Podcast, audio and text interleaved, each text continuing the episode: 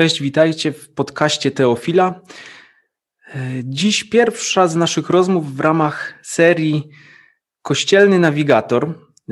Dziś naszym nawigatorem będzie ojciec dr Wojciech Surówka, obecnie duszpasterz na Lednicy, a wcześniej dyrektor Instytutu Świętego Tomasza w Kijowie, znawca chrześcijańskiego wschodu, wybitny teolog. Witaj ojcze. Witam serdecznie.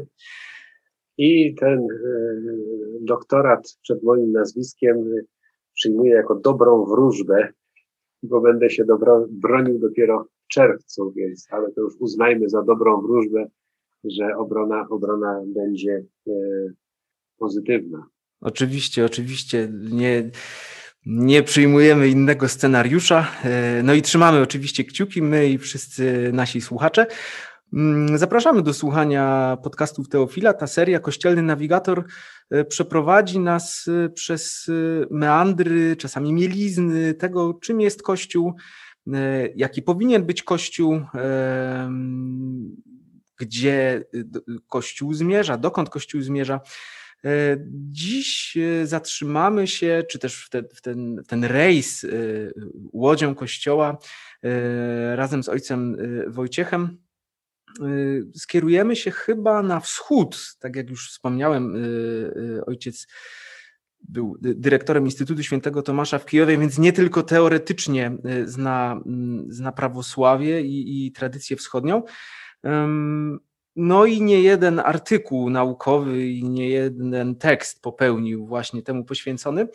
A pretekstem do naszej rozmowy będzie, będzie artykuł ojca zamieszczony w bardzo intrygującym i bardzo ciekawym tomie y, wydanym w ramach serii Myśl Teologiczna wydawnictwa WAM. To jest 98 tom tej, tej serii pod tytułem Teologia między Wschodem a Zachodem. Sama historia powstania tego, y, tego wydawnictwa, tego tomu jest dość ciekawa. Y, ojciec już wcześniej zdradzał tam różne ciekawe i, i zajmujące mm, historyjki z tym związane. Może, może zacznijmy od tego, bo ten tytuł Między Wschodem a Zachodem y, też już nam wiele ujawnia na temat y, tej naszej dzisiejszej drogi. Będziemy, będziemy gdzieś między Wschodem a Zachodem y, oscylowali, podróżowali. Był taki przedwojenny dowcip, że dwóch ludzi jechało pociągiem. Jeden z Paryża do Moskwy, a drugi z Moskwy do Paryża. W połowie drogi wysiedli na dworcu w Warszawie, bo był akurat y, przystanek i każdy z nich myślał, że już jest na miejscu. Rosjanin myślał, że już jest w Paryżu, natomiast y, Francuz myślał, że już jest w Moskwie. Więc miejsce Polski, y, taki na przecięciu, na, na styku tych, tych kultur wschodu i zachodu, czy jak moglibyśmy to nazwać, Europy Środkowej, na pewno jest miejscem uprzywilejowanym do obserwowania pewnych zjawisk e, w kulturze, ale również pewnych e, zjawisk w teologii. E, więc cieszę się, że mogłem uczestniczyć w tamtej konferencji w 2018 roku w Warszawie. Została zorganizowana przez Papieski Wydział Teologiczny i Kolegium Joanneum. Była to taka interdyscyplinarna konferencja. Ona co roku ma inny temat. Akurat tamten, tamta konferencja była poświęcona teologii pomiędzy wschodem i zachodem, e, ponieważ organizatorzy rok wcześniej chyba byli na Ukrainie i tak zainspirowali się tym, co widzieli, postanowili przypatrzeć się tej tematyce, jak w teologii ten wschodni rys jest obecny. Pamiętamy dobrze, że Jan Paweł II mówił o tym, że teologia powinna oddychać dwoma płucami, że Kościół w ogóle powinien oddychać dwoma płucami. E, wschodnim i zachodnim. Nie jest to oryginalna myśl Jana Pawła II, to warto pamiętać, że, że to jest cytat z rosyjskiego symbolisty Wiaczesława Iwanowa. On, on to pierwszy jakby mówił, to był taki okres początku XX wieku, gdzie różne, różne ciekawe pomysły ekumeniczne też się pojawiały.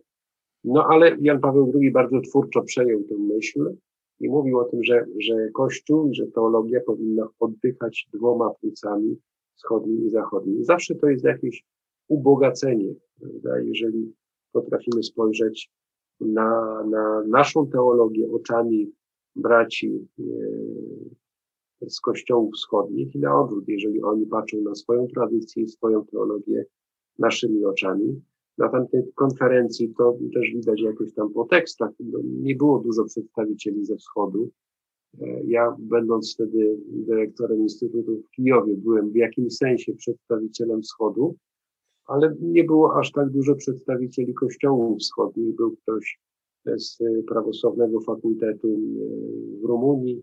E, natomiast rzeczywiście brakowało tego, tego głosu nie tylko teoretyków teologii prawosławnej czy, czy wschodniej, natomiast praktyków, którzy by mogli powiedzieć, jak się rzeczy mają na, już w konkretnym życiu w ich kościołach. Natomiast niezależnie od tego było to bardzo, bardzo ciekawe spotkanie i, i, i owocne, mam nadzieję, dla uczestników, które przynajmniej zaowocowało tym, że powstał bardzo ciekawy tom opublikowany w prestiżowej serii WAMU.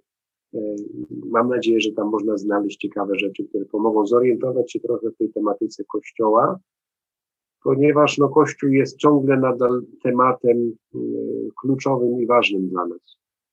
Było takie wrażenie już parę lat temu, że chyba tematyka Kościoła troszeczkę odsuwa się na plan dalszy i wiek XXI będzie skoncentrowany wokół tematów antropologicznych, że jednak wiek XX Soborem Watykańskim II to był, był wielki y, wiek eklezjologii. Natomiast coraz bardziej jestem przekonany, że jednak wracamy z powrotem do, do tematów eklezjologicznych. Kiedyś kardynała Ratzingera, już Benedykta XVI, pod koniec jego pontyfikatu zapytano, jaki jest e, najważniejszy problem teologiczny, którym trzeba się zająć w najbliższym czasie w Kościele, no to bez zastanowienia odpowiedział eklezjologia. Czyli, ale nie teoretyczna, ale, ale jest mnóstwo e, tematów, e, które przekładają się na praktykę życia kościelnego i one jakby źle sformułowane teoretycznie wykrzywiają praktykę życia kościelnego. No to, to można by było bardzo długo jakby wymieniać. Prawda? Natomiast od małego błędu, czasem w myśleniu, jakiejś, jakiejś perspektywie teologicznej zaczyna się wykrzywiać samo życie Kościoła. No, idźmy zatem za tą inspiracją Benedykta XVI. E, pamiętając też oczywiście o tym miejscu, z którego w tę wędrówkę wyruszamy, o tym miejscu, którym Oskar Halecki mówił, że jest na wschód od zachodu i na zachód od wschodu. No i o ile tytuł tomu, e, po który sięgam, i tak jak ojciec mówił, znajduję w nim no, masę ciekawych e, artykułów, Teologia między wschodem a zachodem, o ile ten tytuł jest no, prosty i przystępny, o tyle E, czytając e, tytuł ojca artykułu, no wypływamy już, pozostając dalej w tej metaforyce okrętowej e, no, i, i morskiej, na naprawdę głębokie wody. Tytuł przytoczę w całości. Biegunowo-relacyjna ortodoksja Antoana Arżakowskiego i eklezjalna konstelacja katolika Hansa Ursa von Baltazara. No myślę, że no, za, za, sam tytuł można dostać 20 punktów, nie? No właśnie, no właśnie. Więc y, spróbujmy go, spróbujmy go rozszyfrować, może i my zapunktujemy. A to też nie ukrywajmy, no, ktoś może się od razu nastroszyć i stwierdzić, a to coś napuszonego, naukowego, a, a treść jest fasjonująca. I jeśli tylko ktoś będzie miał okazję, to, to, to zachęcam do, do lektury. No ale myślę, że ojcze chyba naj, najprościej będzie wyjść od yy, i najsensowniej od z, z, przybliżenia sylwetek obu bohaterów yy, tego tekstu, Antoana Arżakowskiego, myślę, że dla mnie na przykład wcześniej nieznanego, no i Hansa Ursa von Baltazara, no to już jednak taki...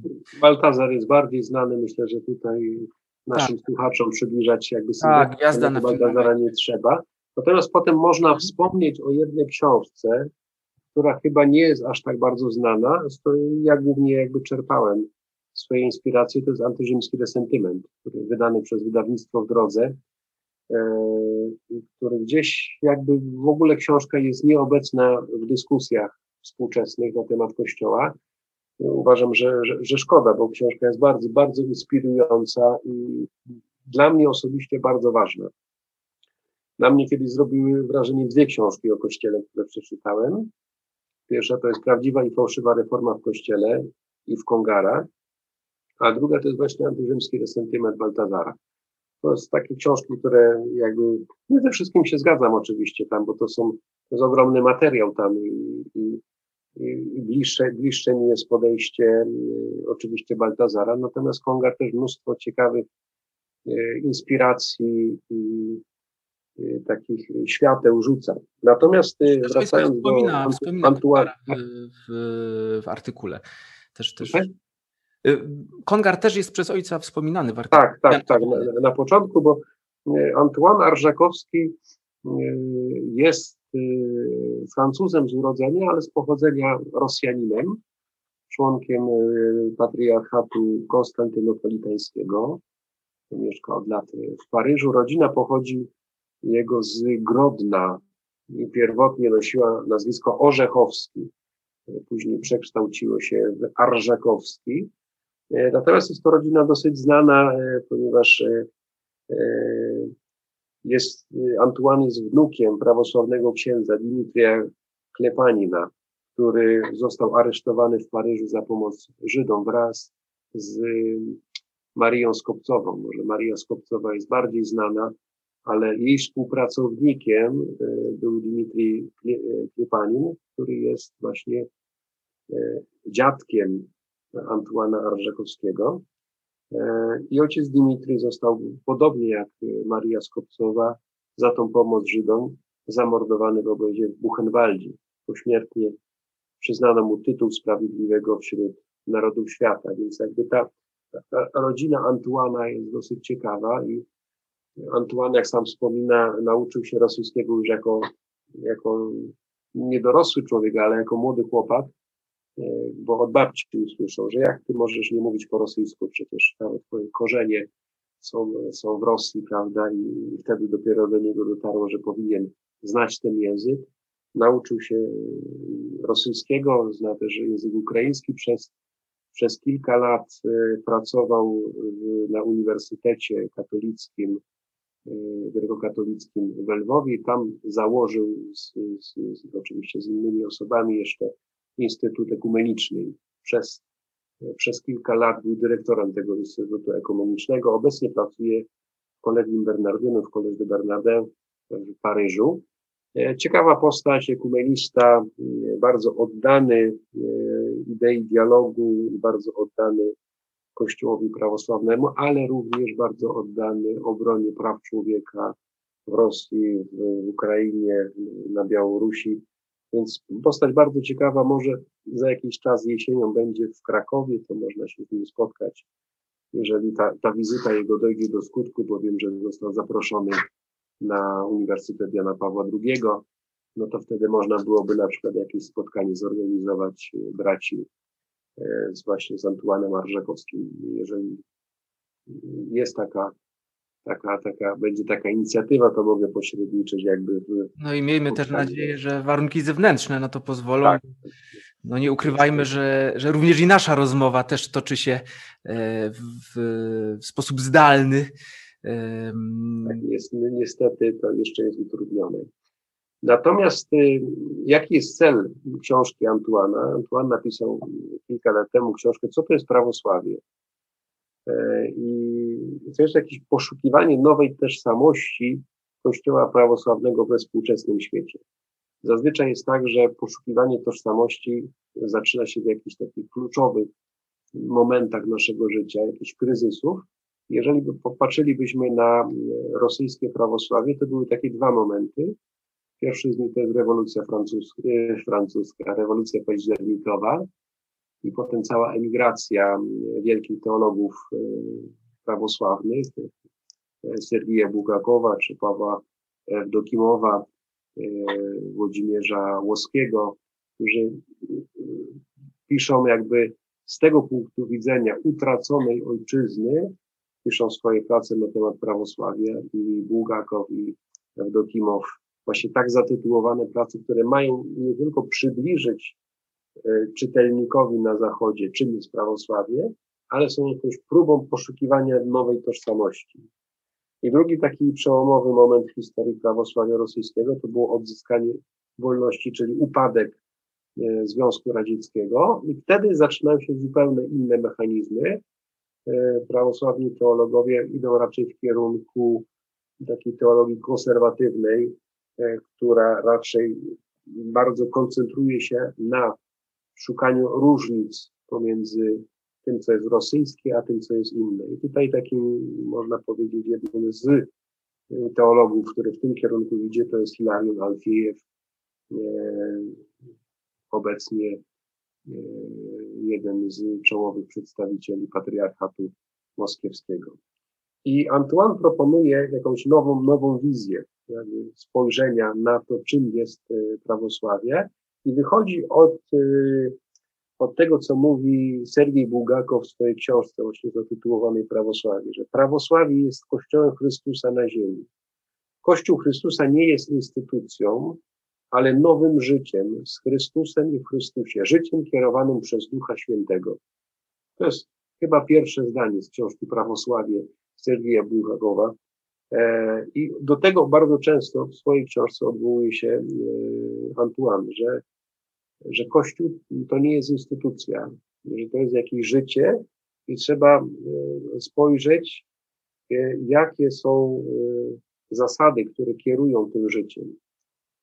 Pisze tak, chciałbym pokazać, że prawosławie to bardziej obraz życia, a nie nauka, obrzęd czy światopogląd. Nie mówi, że tamte rzeczy nie są ważne, natomiast mówi, że bardziej jest życiem niż nauką, czy światopoglądem, czy obrzędem. Potem jakby to wyjaśnia w całej tej swojej e, koncepcji e, właśnie biegunowo-relacyjnej ortodoksji, tak jak to nazwałem. Brzmi to, brzmi to dziwnie, ale e, zaraz wyjaśnimy o co chodzi. I, I zwracam uwagę w tym artykule też w bardzo podobny sposób pisał Kongar w swojej książce o prawdziwej i fałszywej reformie w Kościele. To, był, to były 50. lata jeszcze.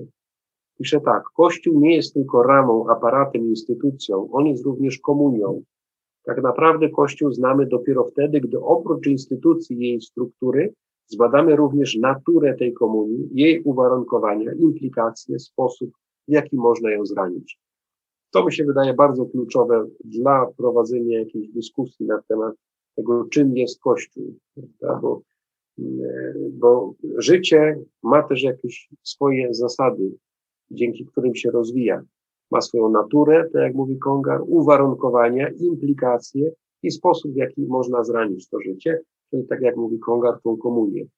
I to jest przedmiotem jego badania Kongara, to jest przedmiotem badania Bukakowa i również Antuana Arżakowskiego. Oczywiście Antoine robi to w zupełnie jakby nowy sposób, e, stara się pokazać to, czym jest prawosławie ze swojego bardzo, wydaje mi się, ciekawego punktu widzenia. Więc y, powtarzając to jego pytanie, czym jest prawosławie, jakiej moglibyśmy udzielić y, odpowiedzi i jak y, w odpowiedzi na to pytanie, jakie miejsce zajmowałaby owa biegunowo-relacyjna ortodoksja.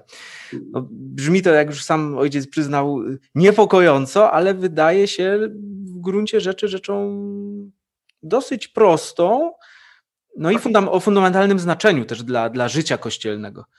To jest, wydaje mi się, dosyć proste, ale co jest przedmiotem badania, jakby, co bierze mm, Arżakowski jako przedmiot badania, to jest struktura świadomości kościelnej.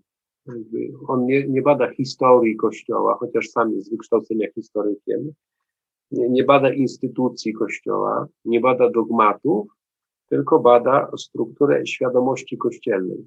To, co Kongar jakby mówił o tym, że komunia posiada swoje uwarunkowania, implikacje, naturę, czyli jest czymś żywym, Arżakowski odwołuje się do idei świadomości kościelnej, czyli jak Kościół istnieje w świadomości osób, które do tego Kościoła przynależą.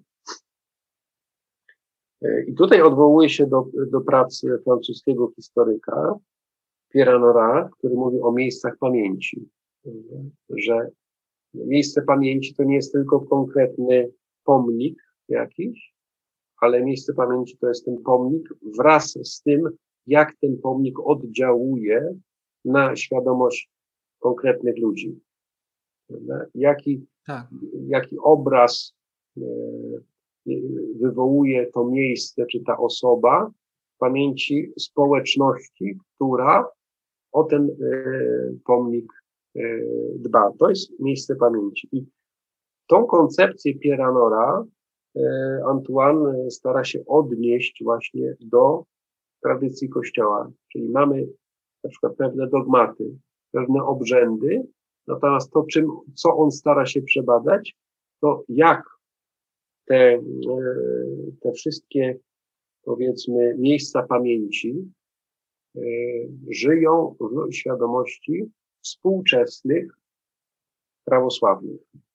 I dlatego mówi, taki sposób badania wymaga żeby to spojrzenie na prawosławie było postkonfesyjne, personalistyczne i socjologiczne.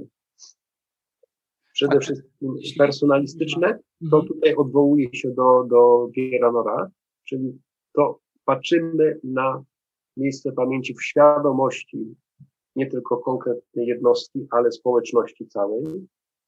E, z drugiej strony mówi, że to musi być myślenie postkonfesyjne, czyli nie możemy okopać się tylko w swoich narracjach historycznych. My mamy swoją narrację, prawosławni mają swoją narrację. I teraz dogadajmy się, czym e, była Unia Brzeska, prawda? Dla hmm. nas to jest e, wielkie osiągnięcie jedności Kościoła, dla prawosławnych jest to zdrada, prawda? I on mówi tak, im dłużej będziemy siedzieli w tych swoich narracjach konfesyjnych, tym trudniej nam będzie osiągnąć jakąś jedność. I trzeci kontekst, to jest oczywiście kontekst socjologiczny i teologia e, Sergija Bułgakowa, e, który napisał w 26 roku taką niewielką książeczkę Święty Piotr i Jan, dwaj pierwsi z apostołów. Książka jest przetłumaczona na polski przez księdza Henryka Paprockiego, więc jest do, dostępna. I to są jakby takie jego podstawowe, wstępne założenia. Jak on będzie badał strukturę świadomości kościelnej. I kiedy tak zagłębia się nad tym, stara się przyjrzeć temu, e, zobaczył, że ta świadomość kościelna, ona posiada w sobie jakieś napięcia takie wewnętrzne, które są pewną stałą. I mówi tak, to li, linię owego napięcia można graficznie przedstawić w formie krzyża. Na końcu ramion, którego znajdują się na wertykalnej osi biegun inności wyrażony w liturgicznej epiklezie i biegun tożsamości wyrażony w jedności epok, w anamnezie. Na horyzontalnej osi biegun wolności jako wyboru, sfera prawa i biegun wolności jako służby, sfera proroctwa. Można powiedzieć mm, tak, że jeżeli by to uprościć trochę, bez używania tych tych różnych trudnych słów, to mm, widzimy, że na osi horyzontalnej mamy prawo i proroków. Prawda? Coś, co jest stałym napięciem w Kościele e, pomiędzy charyzmatem i instytucją. Jakby to, że to istnieje, prawda, stałe to napięcie, to my jakby doskonale, doskonale wiemy bo to cały, cały czas obserwujemy. Natomiast Arżakowski dodaje jeszcze jedną linię, e, która jest wyrażona w inności i w tożsamości. E, dopiero te, te cztery jakby e, bieguny tworzą tą siatkę napięcia, która, która jest tym, o co mu chodzi. Prawda? Mnie szczególnie Teraz... fascynujące wydało się też to, że, że ta siatka e, rozpina się nie tylko w takim ujęciu wspólnoty Kościoła, e, czyli tego Kościoła, który żyje tu i teraz, ale też w tym ujęciu historiozoficznym. On też równie, przypominam sobie z, z artykułu taki pasaż, w którym on również niejako w tym kluczu e, dokonuje periodyzacji dziejów Kościoła i to wydało mi się też bardzo, bardzo ciekawe. Tak, tak. Ja nie, nie wiem, czy to nie jest zbyt proste, jak każda taka periodyzacja, mhm. prawda, e, zaczynając od Joachima Siore, że to czasem może, może zakrawać na jakieś takie uproszczenie, ale wyobraźmy sobie te cztery bieguny. Ja mówię tak, że świadomość kościelna zbyt szybko daje pierwszeństwo tylko jednemu z sensów prawosławia.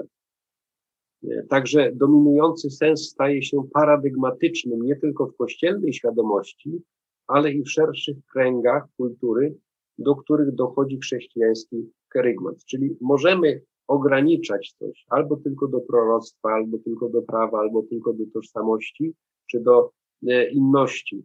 I one jakby te pokazuje, że świadomość kościelna nie wytrzymuje tego napięcia i stara się wybrać jeden z kierunków. Nie?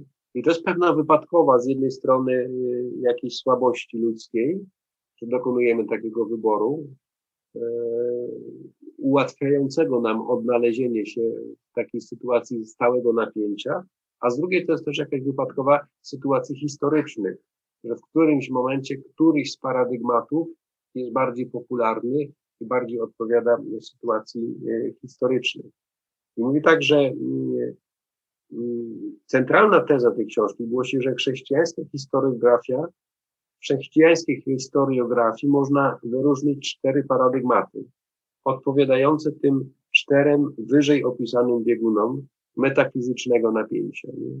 Metafizyczne napięcie jest stale i powinno być, natomiast w historii ono się wcielało e, w cztery różne paradygmaty. E, ortodoksja, czyli prawosławie, było rozumiane jako właściwe oddawanie czci, prawda urzeczywistniona w prawie, wierna pamięć i sprawiedliwa wiedza. I on to rozpisuje na cztery, cztery etapy historii Kościoła. Pierwszy etap e, w epoce wczesnego chrześcijaństwa ortodoksja była rozumiana jako doksologia, czyli właściwe, prawidłowe e, oddawanie chwały Bogu. Kolejny etap zaczyna się od edyktu mediolańskiego i który trwa do 1439 roku, czyli to jest do Soboru Florenckiego. No, warto pamiętać, że on mówi o prawosławiu, nie ogólnie o całym chrześcijaństwie. Mówi o prawosławiu, więc nie będzie nic na przykład mówił o, o reformacji. I wtedy e, prawosławie e, jest e, rozumiane bardziej w kierunku, e, idący w kierunku prawa.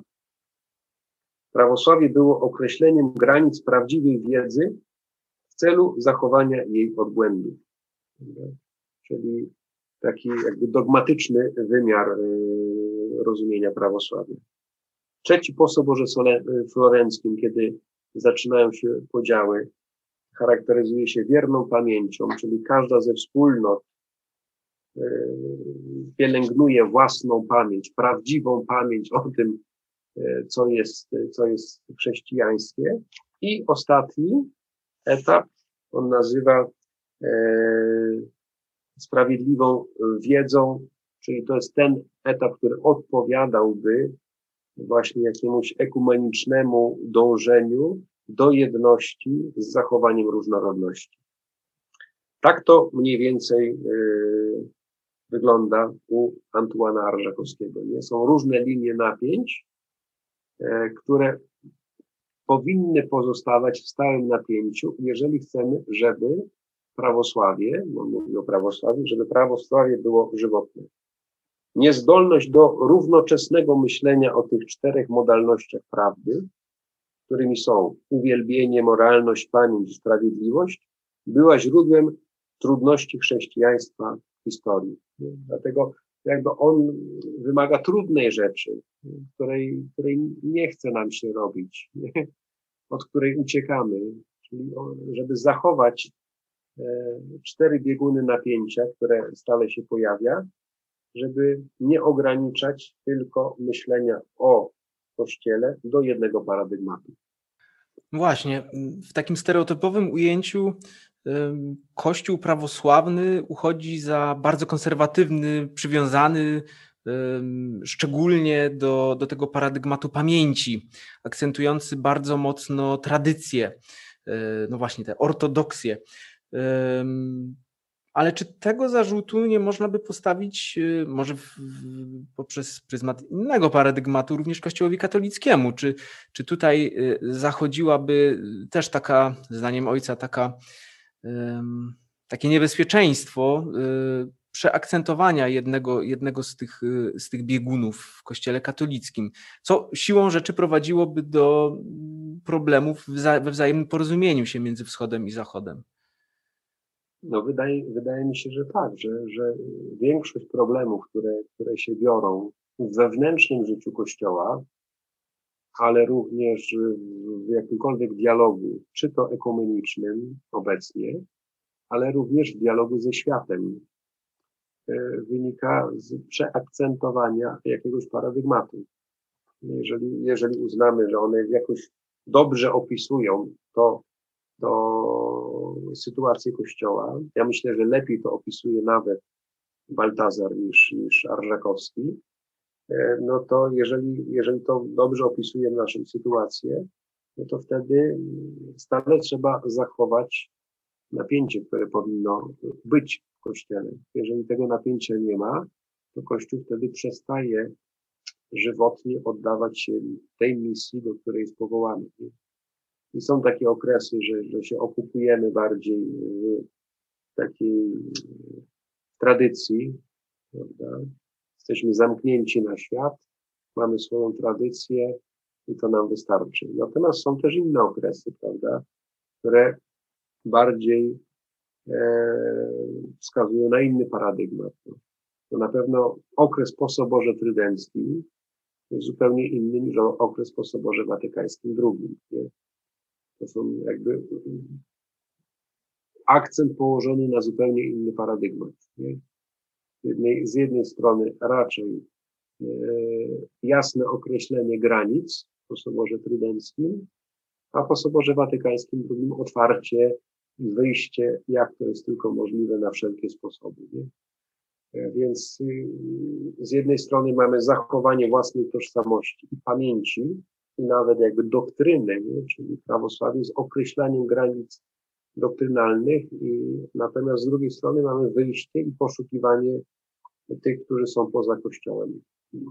One, te paradygmaty powinny się uzupełniać, nie? Jakby to nie wystarczy powiedzieć, że, że ten Kościół jest prawdziwy, a inny to jest mniej prawdziwy, nie? Mój Kościół otwarty jest bardziej prawdziwy niż wasz Kościół tradycjonalistyczny.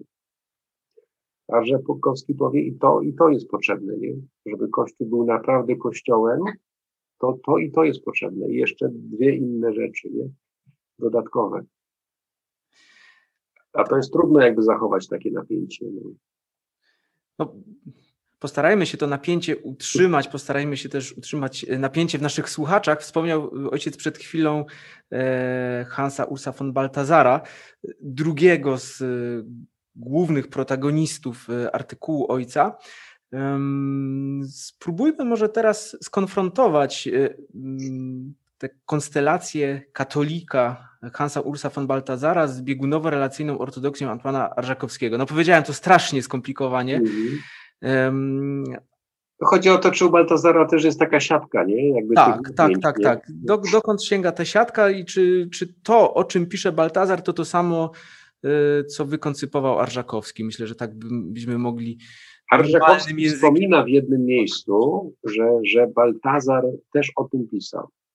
Ale jakby z tego widać, że Arżakowski nie inspirował się Baltazarem. Inspirował się bardziej właśnie książką z 26 roku Siergija Bukakowa, gdzie on y, mówi o, y, o podwójnym jakby E, prymacie apostoła Piotra. Mówi, że Jan i Piotr są apostołami, których każdy ma swoją jakby ważną misję w rozumieniu prymatów. E, I prymat Piotra jest ograniczany przez Jana i Jan jest ograniczany przez Piotra.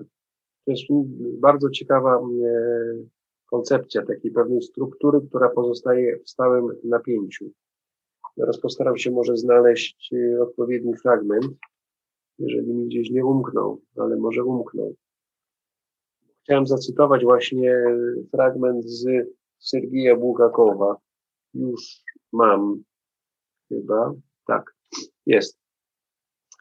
E, Piotr, Jan i Jakub stanowią kolektywne centrum dwunastu. I Bułgakow mówi tak, że analizując e, kwestię prymatu Piotra, że ten prymat Piotra jest ograniczony przez prymat innych apostołów. I cytat teraz dokładny. W prymacie Jana jest granica prymatu Piotra. Nie jeden, ale dwa prymaty, dwaj pierwsi apostołowie, lub też jest to jeden prymat, ale podwójny, złożony. To jest bardzo ciekawa, bardzo ciekawa koncepcja, nie? że w prymacie Jana jest granica prymatu Piotra. Czyli, że Piotr nie może sobie na wszystko pozwolić. I ta granica oczywiście to nie jest granica moralna tylko, ale w samym rozumieniu prymatu. Prymat, jeżeli ma być dobrze sprawowany Piotra, jak uważa Bułgakow, to potrzebuje Jana jako swojej granicy, prawda, tego, co może robić. I w tym duchu idzie y, Baltazar. Natomiast on, on idzie jeszcze dalej, bo jakby nie znając chyba książki Bułgakowa, ja nie znalazłem takich dowodów, że Baltazar czytał tę książkę, chyba samodzielnie jakby też doszedł do, do takich wniosków. E, on mówi o czymś takim jak konstelacja. Prawda? Głównie mówi o konstelacji chrystologicznej, że Chrystus e, ma obok siebie inne osoby. I nie jesteśmy w stanie zrozumieć, kim jest Jezus Chrystus, jeżeli nie znamy tych osób. W swej niepodzielnej całości istnieje on w konstelacji złożonej z innych ludzi. Tak pisze Baltazar. Ona go wewnętrznie określa i ma doniosłe znaczenie dla jego błogoczłowieczeństwa. W stosunku do jego istoty i dzieła nie jest czymś drugorzędnym, lecz jest faktem pierwotnym. To jest niesamowite. I mówi, kim są te osoby, które stoją koło Jezusa? To jest Matka Boża i Jan Chrzciciel. Czyli nie zrozumiemy w ogóle, kim jest Jezus Chrystus, bez, jeżeli byśmy odcięli Matkę Bożą i Jana Chrzciciela. Czyli to jest wcielenie i bóstwo Jezusa i, i tradycja Starego Testamentu, nie? Tym się jakoś zakłada. Ale kiedy pisze Baltazar o tej konstelacji chrystologicznej, rozwija dalej tę myśl i pisze o czymś analogicznym w odniesieniu do Kościoła. Nie używa tego słowa konstelacja eklezjologiczna, ale to jest tam obecne. I wychodzi od, y, od y, analizy tak zwanego Soboru Jerozolimskiego. Kto się wypowiada na Soborze Jerozolimskim? Y, I widać, że czterej apostołowie zajmują strategiczne pozycje rodzącego się Kościoła. Pośród odczuwanych i pokonywanych napięć powstaje między nimi jakiś konsensus co do misji, który definiuje jakby formę chrześcijaństwa. I kim są ci cztery apostołowie? Jakub, który reprezentuje tradycję, to Jakub mówi, odwołuje się do tradycji na Soborze e, Jerozolimskim. On mówi, ojcowie mówili tak i tak, prawda? Jakub reprezentuje tradycję i prawo. Paweł, którego misją jest głoszenie wolności w Duchu Świętym. Jan, którego nie widać na Soborze, ale właśnie taka jest rola Jana, że go nie widać. I według Baltazara Jan jest miłością, która pozostaje. I wreszcie Piotr i jego urząd pasterski. I Baltazar jakby podobnie rozpisuje to w formie krzyża. Że jest, że jest Jakub, Jan na tej wertykalnej linii, na horyzontalnej Piotr i Paweł. I napięcie dokonuje się pomiędzy nimi. E, pomiędzy prawem i wolnością w Duchu Świętym pomiędzy miłością i autorytetem urzędu pasterskiego. I ten schemat, wydaje mi się, jest bardziej zrozumiały i czytelny i bardziej uniwersalny niż ten zaproponowany przez Arżakowskiego, który jest mm, również przełożony przez niego na historiografię. E, natomiast ja jestem tutaj bliższy Baltazara, że że to ciągle się dzieje u nas, nie? To nie jest tak łatwo podzielić na jakieś okresy, że wtedy był taki paradygmat, tak, potem taki. Zawsze te cztery paradygmaty są obecne, nie? Jest prawo i wolność w Duchu Świętym. Jest miłość i jest autorytet Urzędu Pasterskiego. I to jest to źródło napięć, prawda? Żywotnych, nie? Bo czasem nam napięcie kojarzy się z czymś, co chcielibyśmy uciec od tego, ale to są żywotne napięcia. Dopiero z tego jakby wypływa życie Kościoła i właściwa forma e, życia kościelnego. Tak, ta paralela jest rzeczywiście uderzająca między Bułgakowem, Arżakowskim a Baltazarem. Czy moglibyśmy zaryzykować tezę i powiedzieć, że e, to, co wydaje się jednym z naj, jedną z największych kości niezgody między prawosławiem a katolicyzmem, czyli kwestia prymatu papieskiego, w takim ujęciu, e, wychodząc z pozycji mm, jakoś nakierowanych ku sobie, pozycji Arżakowskiego i Baltazara, mogłoby stać się mm, punktem wyjścia właśnie tego dobrego e, napięcia, jakiejś refleksji Kościoła, zarówno mm, skrzydła wschodniego, czy płuca wschodniego, jak i płuca zachodniego. Krótko mówiąc, czy, y, czy kwestia y, prymatu y, jakiejś formy wzajemnego uznania go jest rzeczywiście kwestią niepokonywalną, czy też otwiera się tutaj jakaś fascynująca, zupełnie nowa ścieżka, może nawet nie nowa, tylko taka, która, która teraz dopiero została jakoś dostrzeżona? No, wydaje mi się, że, że takie próby są podejmowane, natomiast z prymatem jest problem w tym, że to jest jest pewna teologia prymatu, prawda, na którą w dużej mierze jesteśmy w stanie się zgodzić wzajemnie, ale potem jest jeszcze praktyka życia, prawda, e, kościelnego, pewnej kościelnej dyscypliny. I, tu jest jakby więcej problemów niż nawet z samą teologią, bo teologicznie, odwołując się do rozumienia prymatu Piotra w pierwszym tysiącleciu, wiele punktów stycznych da się, da się znaleźć, prawda? E, natomiast y, czym to będzie skutkowało w kościelnym życiu? O, nie? jaka będzie dyscyplina życia kościelnego z tego wynikała? No bo my jednak mamy bardzo taką jednoznaczną podejście do tego. Nie? To widać w przypadku grekokatolików, nie? że jednak wszyscy jesteśmy podporządkowani e, papieżowi. Nie? I to jest takie podporządkowanie w ścisłym sensie tego słowa. Nie? Nieograniczane prymatem janowym, tak jak, tak jak w koncepcji y, Bułgakowa, którą ojciec y, wcześniej.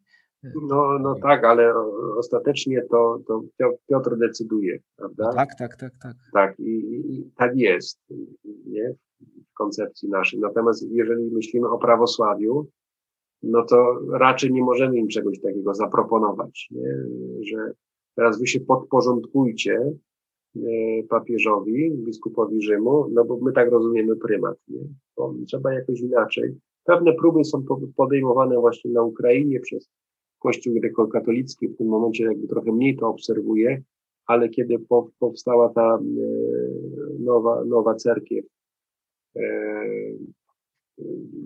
która jest w jurysdykcji patriarchatu konstantynopolitańskiego, no to zaczęły się jakieś rozmowy z grekokatolikami na temat właśnie jakiejś formy jedności pomiędzy, pomiędzy tymi dwoma kościołami.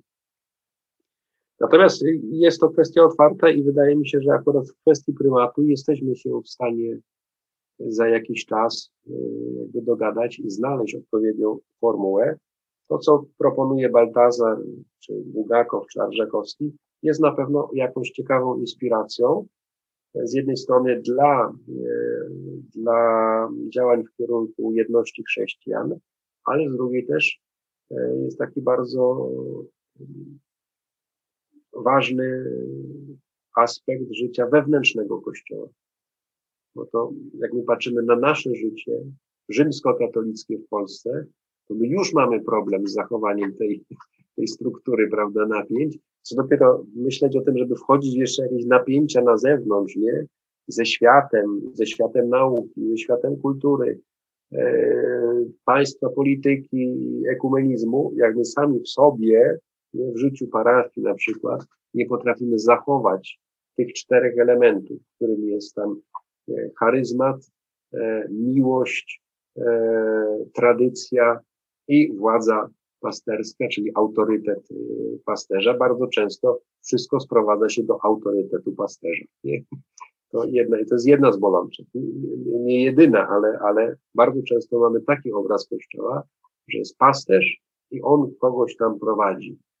A ta koncepcja Baltazara no, pokazuje, że w samych wspólnotach my musimy zachować to napięcie i im bardziej jesteśmy w w sobie zachować to napięcie, tym łatwiej wejdziemy w dialog z tak zwanymi innymi. Czy jest to inna kultura, inne wyznanie, czy jest to świat zewnętrzny, nauka. Tylko jeżeli sami będziemy tkwili w tym napięciu. Właśnie o ten świat zewnętrzny chciałem jeszcze ojca zapytać. Na samym początku ojca artykułu odnajduję mm, bardzo intrygujące zdanie z książki Antoana Arżakowskiego o próbie przemyślenia kwestii reformy kościelnych struktur, ale też e, o tym, że to, co pisze Arżakowski, jest e, czymś więcej, bo jest też propozycją wykorzystania teologicznych rozwiązań w celu przezwyciężenia kryzysu, który popadła liberalna demokracja. No i w tym miejscu jesteśmy już e, w punkcie stycznym Kościoła i świata zewnętrznego. Znów w takim potocznym ujęciu, w potocznym obrazie prawosławia, no jest to kościół, który no jest raczej zastygły, skostniały, skoncentrowany na przeszłości, na, na status quo. I podporządkowany państwu. Tak, i właśnie, i do tego podporządkowany państwu, przez co no, niezbyt dobrze y, przystający do, do tego ideału, który, który znamy w naszym tak zwanym zachodnim świecie. No, jaka więc byłaby propozycja tego ożywienia mm, zepsutej liberalnej demokracji, no zepsutej, nadpsutej, pewnie tutaj moglibyśmy dyskutować. Tak, e, pan by powiedział, że demokracji, która posiada swoje wewnętrzne problemy pewnie, ale mm. no, on jest bardzo przywiązany do tradycji liberalnej i widzi jakby zagrożenia też demokracji jako takiej. To, to, to nie jest nic nowego, to już od od wielu lat, od to chwila się pisze no, o tym, że demokracja sama w sobie ma też swoje zagrożenia różne, ale to jest taki pomysł e, troszeczkę w duchu Benedykta też, e, świętego Benedykta, e, założyciela Benedyktynów. Czyli jakby, że impuls do przemyślenia pewnych spraw społecznych wychodzi z Kościoła że my to mamy lepiej opracowane wewnątrz sobie, we wspólnotach kościelnych i świat zewnętrzny inspiruje się naszymi rozwiązaniami. W tym momencie wygląda to chyba tak, że my się inspirujemy światem zewnętrznym. Co by nie powiedzieć, nie? Że jakby liberalna demokracja, kultura współczesna jest na tyle atrakcyjna, że próbujemy się dostosować jakoś do tych warunków świata współczesnego. E, a mówi, że trzeba na odwrót, nie? że to, to, co się dzieje w Kościele, czy powinno dziać, jak powinno wyglądać życie, życie e, wewnątrz kościelne, to ma inspirować świat zewnętrzny. To jest trochę jak z naszą demokracją. Myśmy byli wcześniej niż, niż demokracja amerykańska.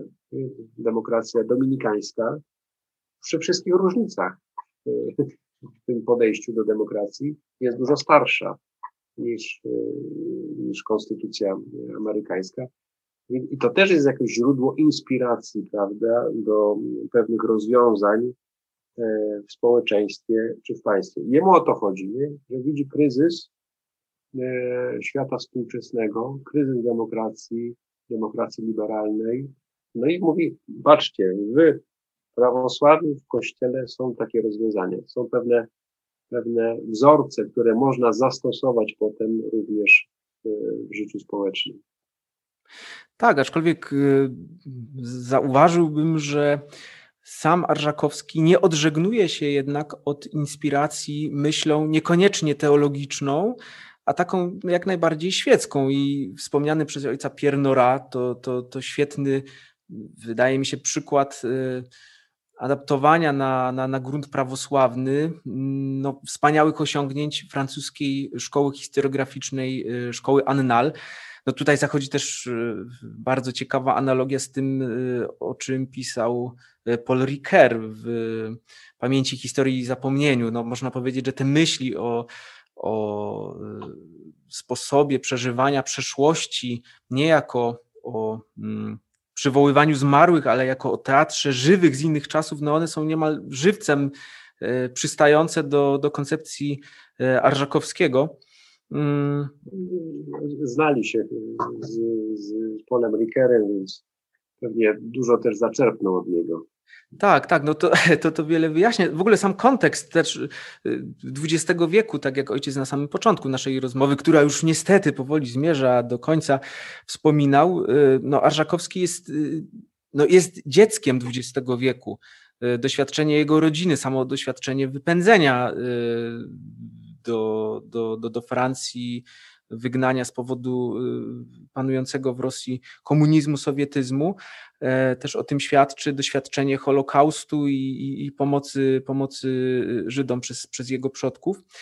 Pokazuje, że, mm, że ten kontekst życia i ta praktyka życia kościelnego no, odgrywa tutaj kluczową rolę. I to jest jakaś taka, w mojej ocenie, taka bardzo twórcza, y, fascynująca i odświeżająca propozycja.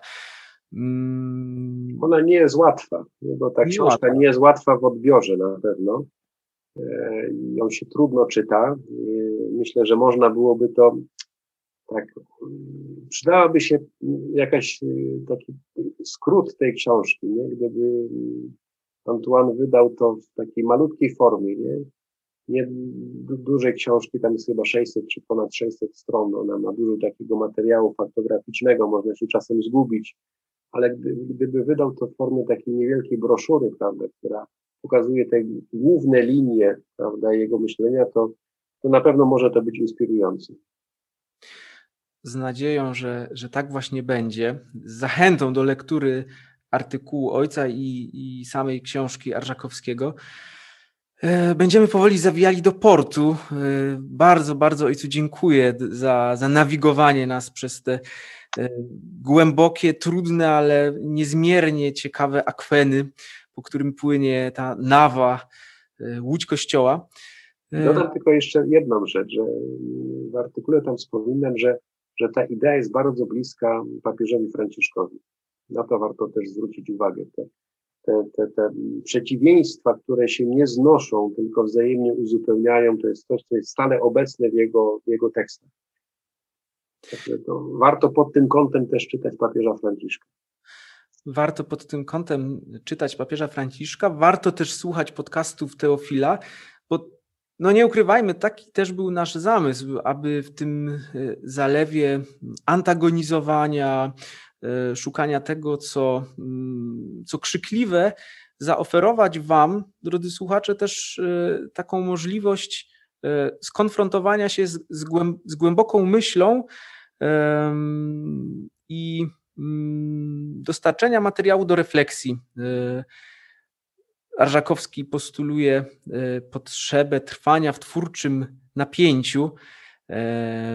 Pokazuje to też jakąś nieodzowność kultury sporu, e, której nam bardzo brakuje i w kościele, i w społeczeństwie. No i oby ten nasz podcast i ten dzisiejszy i pozostały, pozostałe były takimi cegiełkami w budowaniu tej lepszej, e, lepszej kultury, lepszego społeczeństwa, no i oczywiście lepszego kościoła, no, lepszego bardziej Jezusowego. E, miejmy nadzieję, że, że tak właśnie będzie. Bardzo, bardzo Ojcu dziękuję. Ja również dziękuję za zaproszenie. Za tę arcyciekawą rozmowę. Zapraszamy do słuchania kolejnych rozmów z tego, jak i z pozostałych pasm Teofila i do usłyszenia.